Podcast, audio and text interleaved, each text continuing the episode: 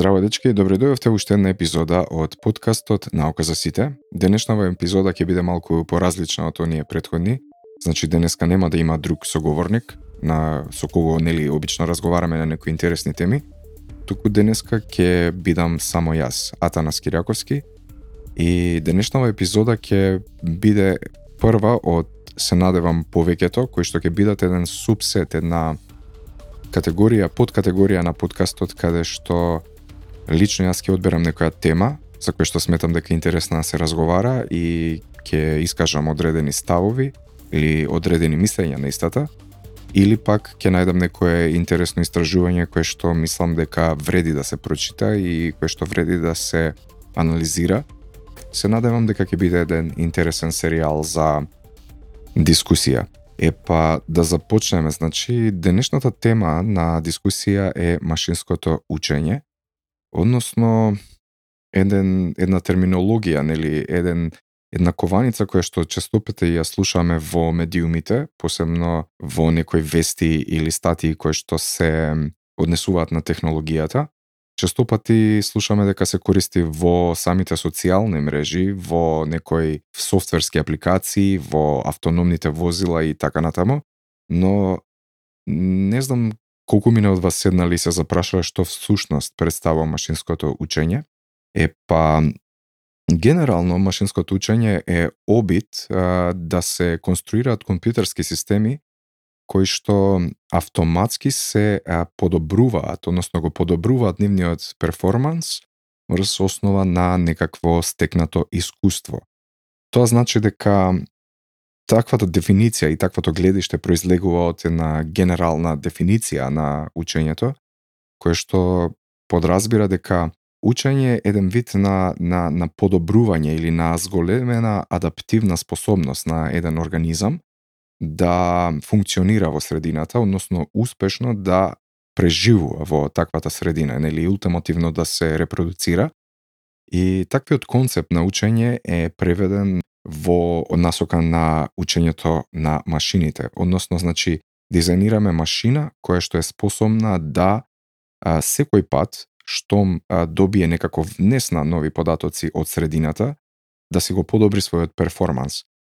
Односно, таквиот внес на податоци може да биде со помош нели директно од страна на научниците, а може да биде и од самата средина преку односно сет на податоци кои што машината ги стекнува со помош на одредени вградени сензори и е, таквите податоци подоцна ги анализира за да си го подобри својот перформанс. Едно друго прашање околу кое што машинското учење осцилира е тоа кои се фундаменталните статистички, компјутацијски, информацијски и теоретски закони кои што ги водат сите организми кои што се способни да учат, односно сите системи кои се што се способни да учат. Вклучително нели тука се организмите, луѓето, животните, компјутерите, машините и така натаму, па дури и ентитети како што се организациите на едно поголемо ниво и поопшто ниво. Значи, машинското учење е еден вид на на метод или еден вид на технологија вградена во вештачката интелигенција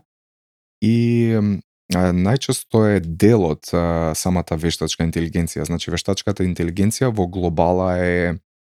систем кој што е многу поголем од самото машинско учење, значи систем кој што не само е, е способен да анализира податоци и да си го подобрува својот перформанс, туку вештачката интелигенција представува еден систем кој што содржи во себе долготрајна меморија, резонирање за реалноста, креативност, оригиналност и така натаму, значи нешто што е многу блиску до генералната интелигенција на човекот. Значи, да се навратиме во машинското учење, Тоа е еден многу практичен метод фактички кој што се употребува на пример во компјутерската визија, во препознавањето на говорот, во природното процесирање на јазиците. Типичен пример е нели Siri на iPhone, каде што нели може да кажете нешто природно на ваш јазик, односно на човечки јазик и та, тоа да го разбере, да ви врати некаков фидбек и така натаму. Тоа е природно процесирање на јазикот, подоцна нели понатака Машинското учење се користи во контрола на роботи и многу, многу, многу други апликации. Значи, употребата на машинското учење во генерално во вештачката интелигенција е многу корисно затоа што е далеку полесно да истренирате одредена, да речеме, компјутерска мрежа или одредена, еве, генерално да речеме машина, врз основа на некаков си импут, на некаков, на некаков си внес на податоци, односно да натерате самата машина да ги научи правилата на игра, да го направи токму тоа што сакате да го добиете, отколку да земете и да напишете алгоритам или програма кој што ги опфаќа сите можни исходи за кој што би ги следала таа нели машина. Односно, машинското учење е многу поадаптибилна стратегија во овој контекст, затоа што многу е тешко да се нели програмираат сите возможни исходи од одреден одредено однесување или одредена проблематика на пример. Тука машинското учење на вистина доаѓа и е многу корисно и ефектите на машинското учење веќе се чувствуваат низ многу емпириски науки како што се биологијата, космологијата, дури и дури и социјалните науки, значи користат машинско учење. И на вистина се добива огромен бенефит посебно од делот каде што овозможува таквото учење, односно овозможува машините да анализираат голем, голем, огромен број на податоци кои што се генерираат во ваквите науки, нели? И во биологијата, и во физиката, на пример, и да ги анализира, значи овозможува машинското учење да ги анализира такви, таквите податоци. Еве, на пример, конкретно да земеме пример од лабораторијата ЦЕРН, нели, која што го содржи оној фамозен Large Hadron Collider и замислете од секоја интеракција помеѓу частичките кои што нели ги судираат во таквиот акцелератор, секоја поединечна интеракција значи произведува таков огромен број на податоци кои што е практично невозможно да се анализираат, дури и да се зачуваат на самиот компјутерот што се големи тие фајлови, а камоли нели да се анализираат преку човечки методи. Така што машинското учење верувам дека игра огромна улога во овој процес. Инаку, машинското учење се базира на најразлични алгоритми кои што се вградени нели во компјутерите и тие варираат многу, значи може да бидат од најразлични типови. Тие може да бидат дрва на одлучување, нели може да бидат разни математички функции или некои си генерални јазици за програмирање. И една од идеите е да се создадат нели такви библиотеки на алгоритми кои што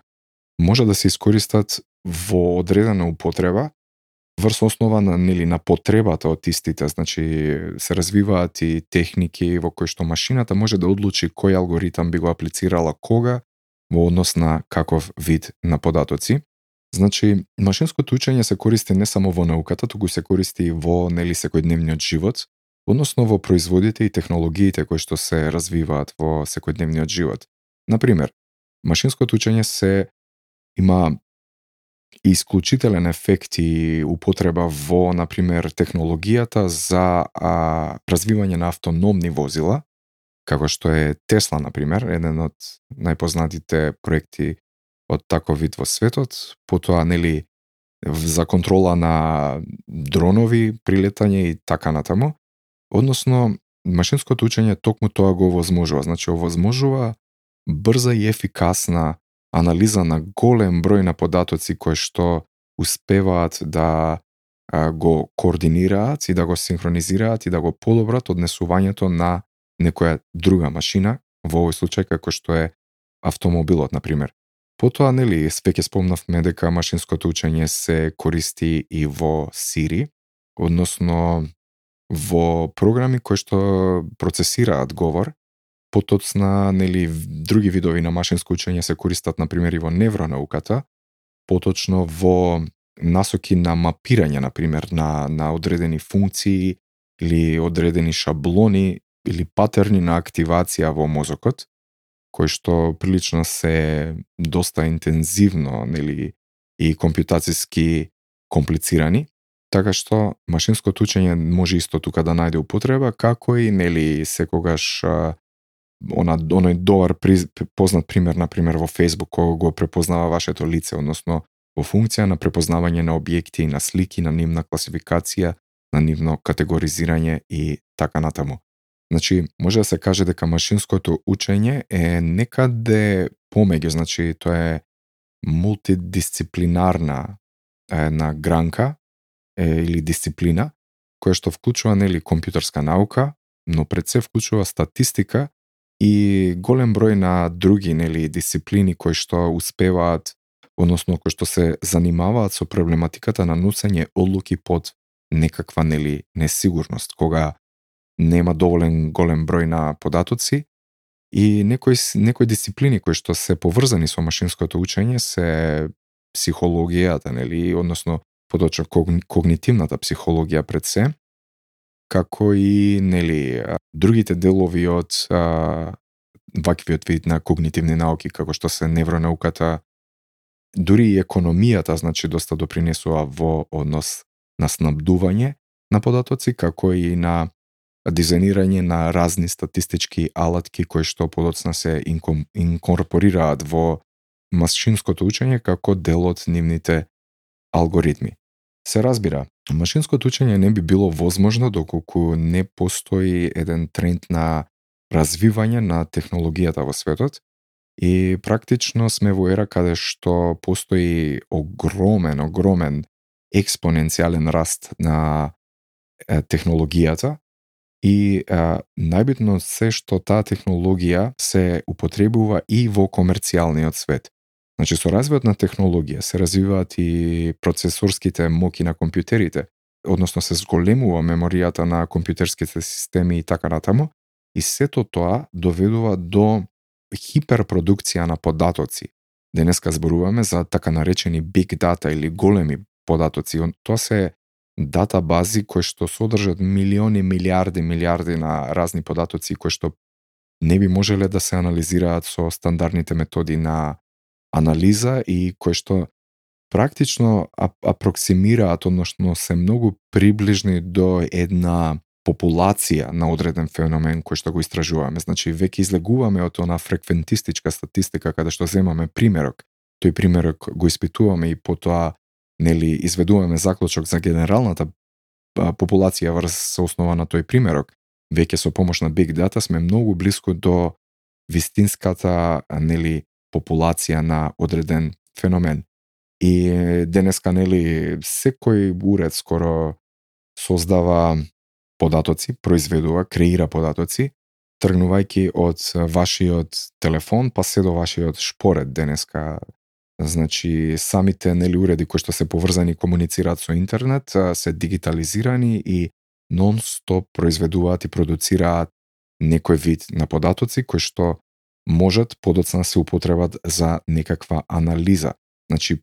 живееме во време на хиперпродукција на податоци и тоа овозможува, односно го стимулира развојот и креирањето на а, алгоритмите и методите кои што се користат во машинското учење за нивно анализирање. Типичен пример за ова е, на пример,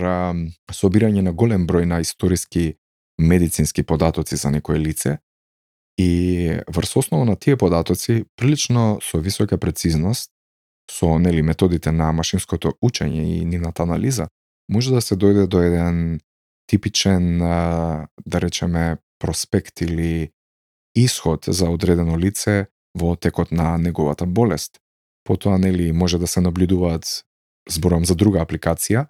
може да се земат некои историски податоци за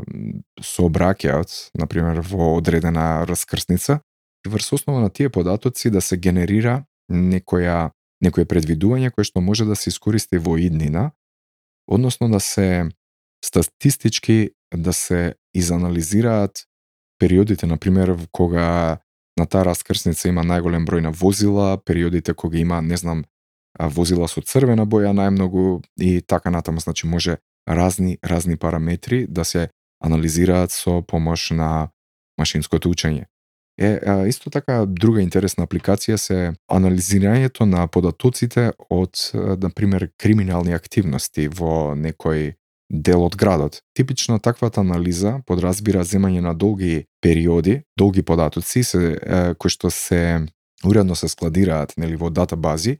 и подоцна се аплицираат одредени методи од машинското учење, одредени алгоритми кои што можат да ги анализираат тие податоци и да предвидат кога на пример следниот пат а, би се случил некаков криминал на таа одредена локација и така натаму. Значи светот се движи во еден тренд каде што постои еден едно зголемување, интензивно зголемување на генерирање податоци и на носење одлуки врз основа, односно врз анализата на тие податоци. Тоа е еден фин тренд. Е сега, ако навлеземе подлабоко во видо, видовите на машинското учење, можеме да дојдеме до заклучок дека генерално постојат три категории на машинско учење. Првото е супервизирано, така се нарекува, второто е несупервизирано и третото се нарекува reinforcement learning или тоа би било на македонски учење преку наградување на некој начин, така би му дошло. Е сега, првата категорија на супервизирано учење е кога се даваат организирани датабази на податоци кои што се уредно означени на компјутерот, односно на машината да ги разгледа и да ги запамти и врз основа на тие податоци кои што патем нели се даваат да ги анализира машината во огромен број, таа машина може да создаде односно да препознае нови податоци кои што не биле видени, односно не биле вклучени во оригиналниот датасет. Типичен пример за ова е препознавање на објекти од слики. Например, доколку се снабди машината со 1 милион на слики од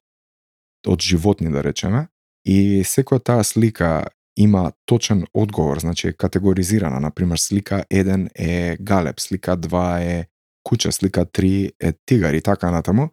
Значи машината врз основа на тие конекции, односно врз основа на тоа супервизирано учење, значи може да изведе заклучок за нови слики, на пример нова слика од галеб, нова слика од куче, нова слика од тигар и така натаму, кој што претходно не ги видела. Значи тоа е тоа е оно што се нарекува супервизирано учење, односно генерализирање врз основа на предходно големи датабаза на податоци кои што се уредно означени. Вториот вид на машинско учење е несупервизираното машинско учење, односно тоа е вид на учење кој што исто така зема како внес голем број на податоци, односно огромни подат, датабази за некој феномен, но при тоа тие податоци внатре во таквите датабази не се а, уредно означени. Значи машината типично не знае што гледа. Во тој случај машината е принудена врз основа на некакви алгоритми да генерализира, односно да детектира одредени патерни во во тој датасет, например да прави некаква анализа на на група на податоци, односно да забележува некакви струи, некакви димензии на, на таа датабаза кои што типично не произлегуваат самите од себе. Например, а, и се дава некаква датабаза на зборови кои што потекнуваат на пример од одреден јазик и а, типично машината првично не знае значи за што се работи, односно не знае секој збор што значи како на и така натаму, но со текот на времето со многу и многу итерации, со многу и многу повторувања, со многу нови зборови од таквиот јазик, еве нека биде кинески, машината веќе почнува да детектира одредени правила во таквата датабаза, односно во таквиот систем. Значи, почнува да детектира синтаксата, например, одреден збор најчесто доаѓа после друг збор, одредени зборови имаат една должина, други зборови имаат друга должина и така натаму. Значи, типично мрежата, односно машината, преку методот на несупервизирано учење, успева да детектира одредени особености на некој феномен кој што го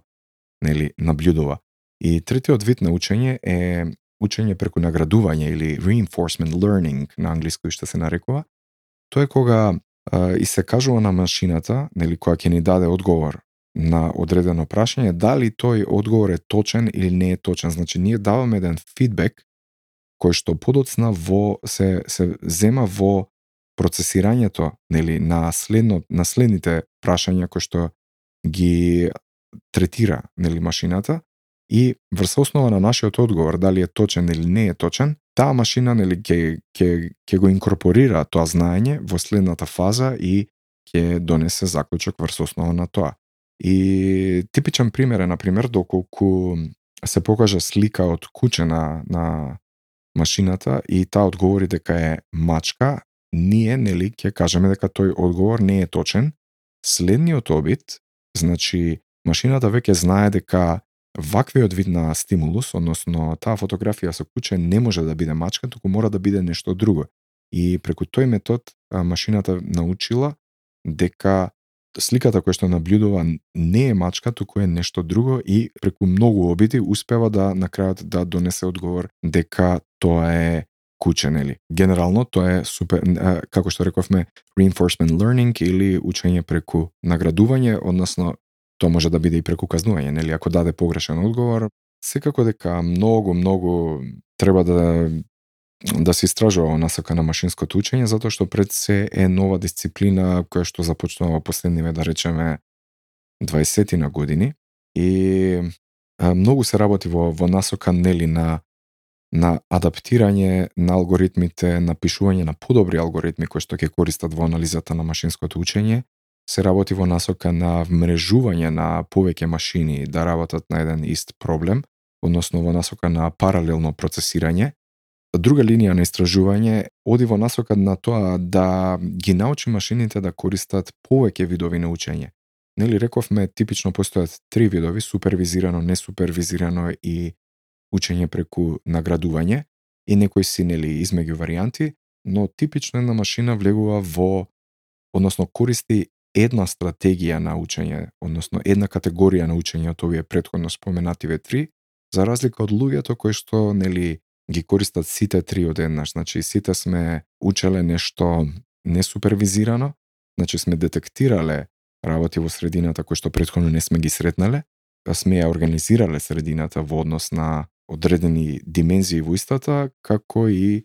нели постојано учиме по преку методот на наградување и казнување. Значи луѓето ги користат сите три видови на учење, споменати во контекст на машинското учење, за разлика од машините кои што се уште не се стигнати до тој степен да ги користат сите три вида, нели. И на крајот некои посебно, нели, битни истражувања одат во насока на тоа да изградат системи кои што ќе овозможат практична и многу ефективна интеракција помеѓу луѓето и машините. При тоа многу е корисно да се користат машините, односно мрежите кои што се инкорпорирани во машините, нели, да научат да имитираат одредени когнитивни феномени кои што се присутни кај луѓето и кај животните. Типично нели тоа е еден домен кој што е релативно нов, посебно во когнитивната наука, односно се потребуваат да се употребува машинското учење во контекст на истражување на одредени